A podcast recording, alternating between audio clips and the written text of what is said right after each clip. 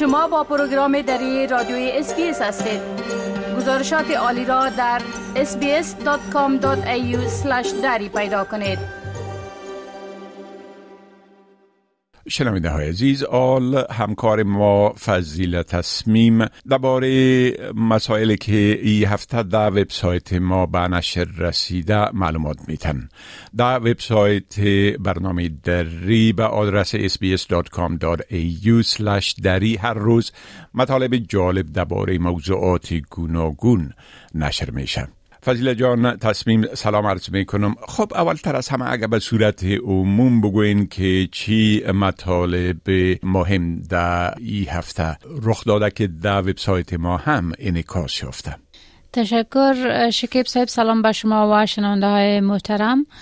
در وبسایت ما ای هفته مطالب جالب به نشر رسید. قسمی که شما گفتین یکی از این مطالب ای بود که چی سنه برای شروع استفاده اطفال از رسانه های اجتماعی مناسب است بسیاری از رسانه های اجتماعی از جمله فیسبوک، اینستاگرام و تیک تاک به استفاده کنندگان از این رسانه ها اجازه میتن از سن 13 سالگی برای خود حساب باز کنند. همچنان مطلب داشتیم در مورد آمار تازه که نشان داده که کاهش قیمت مسکن در استرالیا نسبت به ماهای قبل کمتر شده. واکنش تند استرالیا و نیوزیلند با پیوستن عربستان جمع حامیان مالی جام جهانی فوتبال زنان مطلب دیگه بود که در وبسایت ما به نشر رسید. در این مطلب آمده است که پیوستن عربستان سعودی به جمع حامیان مالی جام جهانی فوتبال زنان که توسط استرالیا و نیوزیلند میزبانی میشه با واکنش تند مقامات فوتبال و فعالان حقوق بشر مواجه شده. رسانه ها گزارش دادند که فیفا قرارداد را با سازمان با سازمان سیاحتی عربستان ویزت سعودی به عنوان حامی مالی جام جهانی فوتبال زنان در سال 2023 امضا کرده.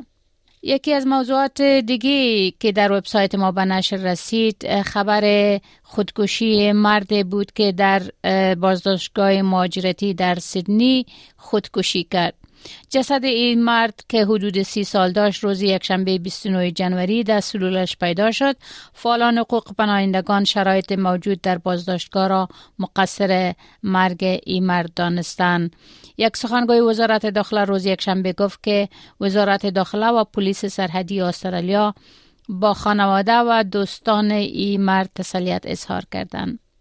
و مطلب دیگه در وبسایت ما در مورد سود بانکی قرضه های مسکن بود که تا چی اندازه احتمال داره بلند بره. پس از انتشار نرخ تورم بالا از حد انتظار در هفته اکنون احتمال میره بانک مرکزی استرالیا در ماه فبروری بار دیگر نرخ سود بانکی را افزایش بده.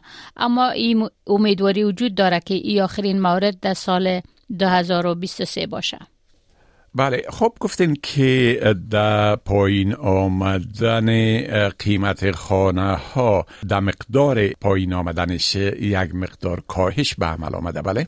بله متخصصین قیمت مسکن گفتند که قیمت خانه های استرالیایی در ماه جنوری به طور متوسط یک درصد کاهش یافته که بیانگر کمترین ارزش از ماه جون سال گذشته به این طرف است تیم لالیس مسئول بخش تحقیق در این مورد گفت که اگرچه رکود مسکن بیشتر وابسته به موقعیت جغرافیایی است اما نشانه های مبنی بر کن شدن آن وجود دارد.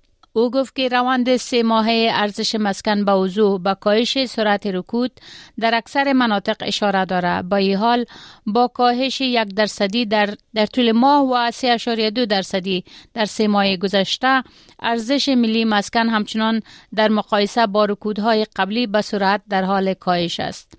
بر اساس آمار در ماه جنوری امسال هیچ شهر از کشور از کاهش ارزش مسکن در امان نبوده شهرهای هوبارد شهر هوبارد یک هفت درصد برزبون یک چار درصد پرت صفر اشاری سه درصد و داروین صفر اشاری یک درصد کمترین کاهش را داشتند. همچنین در ماه حد اوسط قیمت خانه در سیدنی برای اولین بار از ماه مارچ 2021 به طرف به کمتر, کمتر از یک میلیون دلار سقوط کرده.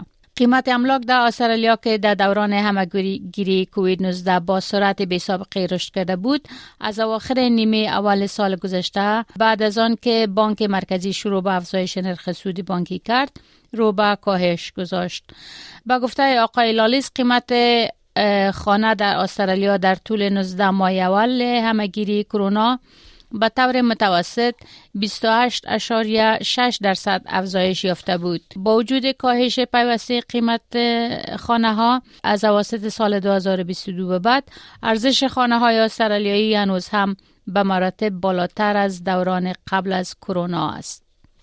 بله خب درباره سن استفاده از رسانه های اجتماعی گفتین که تقاضا میشه که این سن بالا برده شوه اگر لطفا در باره یک مقدار توضیحات بتین بله بسیاری از رسانه های اجتماعی از جمله فیسبوک، اینستاگرام و تیک تاک به استفاده کنندگان از این شبکه ها اجازه میتن که از سن 13 سالگی بر خود حساب باز کنند اما برخی از منتقدان میگن که سن دسترسی به شبکه ها باید افزایش داده شود.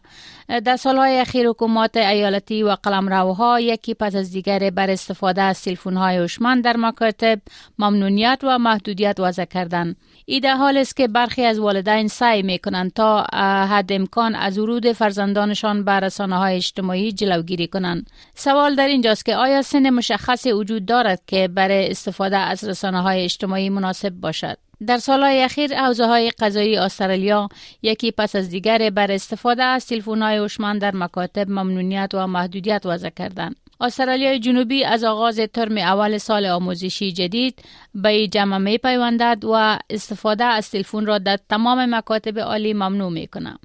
همچنین محدودیت های مشابه در سراسر مکاتب حکومتی و قلمرو شمالی وضع خواهد شد. ویکتوریا، استرالیای غربی و تزمانیا در سال 2020 این ممنونیت ها را قبلا وضع کرده بودند. معلمین و قانونگذاران دلایل اصلی وضع محدودیت بر تلفن را به توجهی به دروس و مشکلات روانی در بین شاگردان عنوان کردند. بعضی محققین معتقد هستند که لزوما سن مشخص برای آغاز استفاده از رسانه های اجتماعی وجود ندارد و این بستگی بر رشد اجتماعی و عاطفی هر کودک دارد. بله خب بسیار تشکر فضیله جان تصمیم از این معلوماتتان و فعلا شما را به خدا می سپارم روزتان خوش تشکر از شما هم می خواهید این گونه گزارش ها را بیشتر بشنوید؟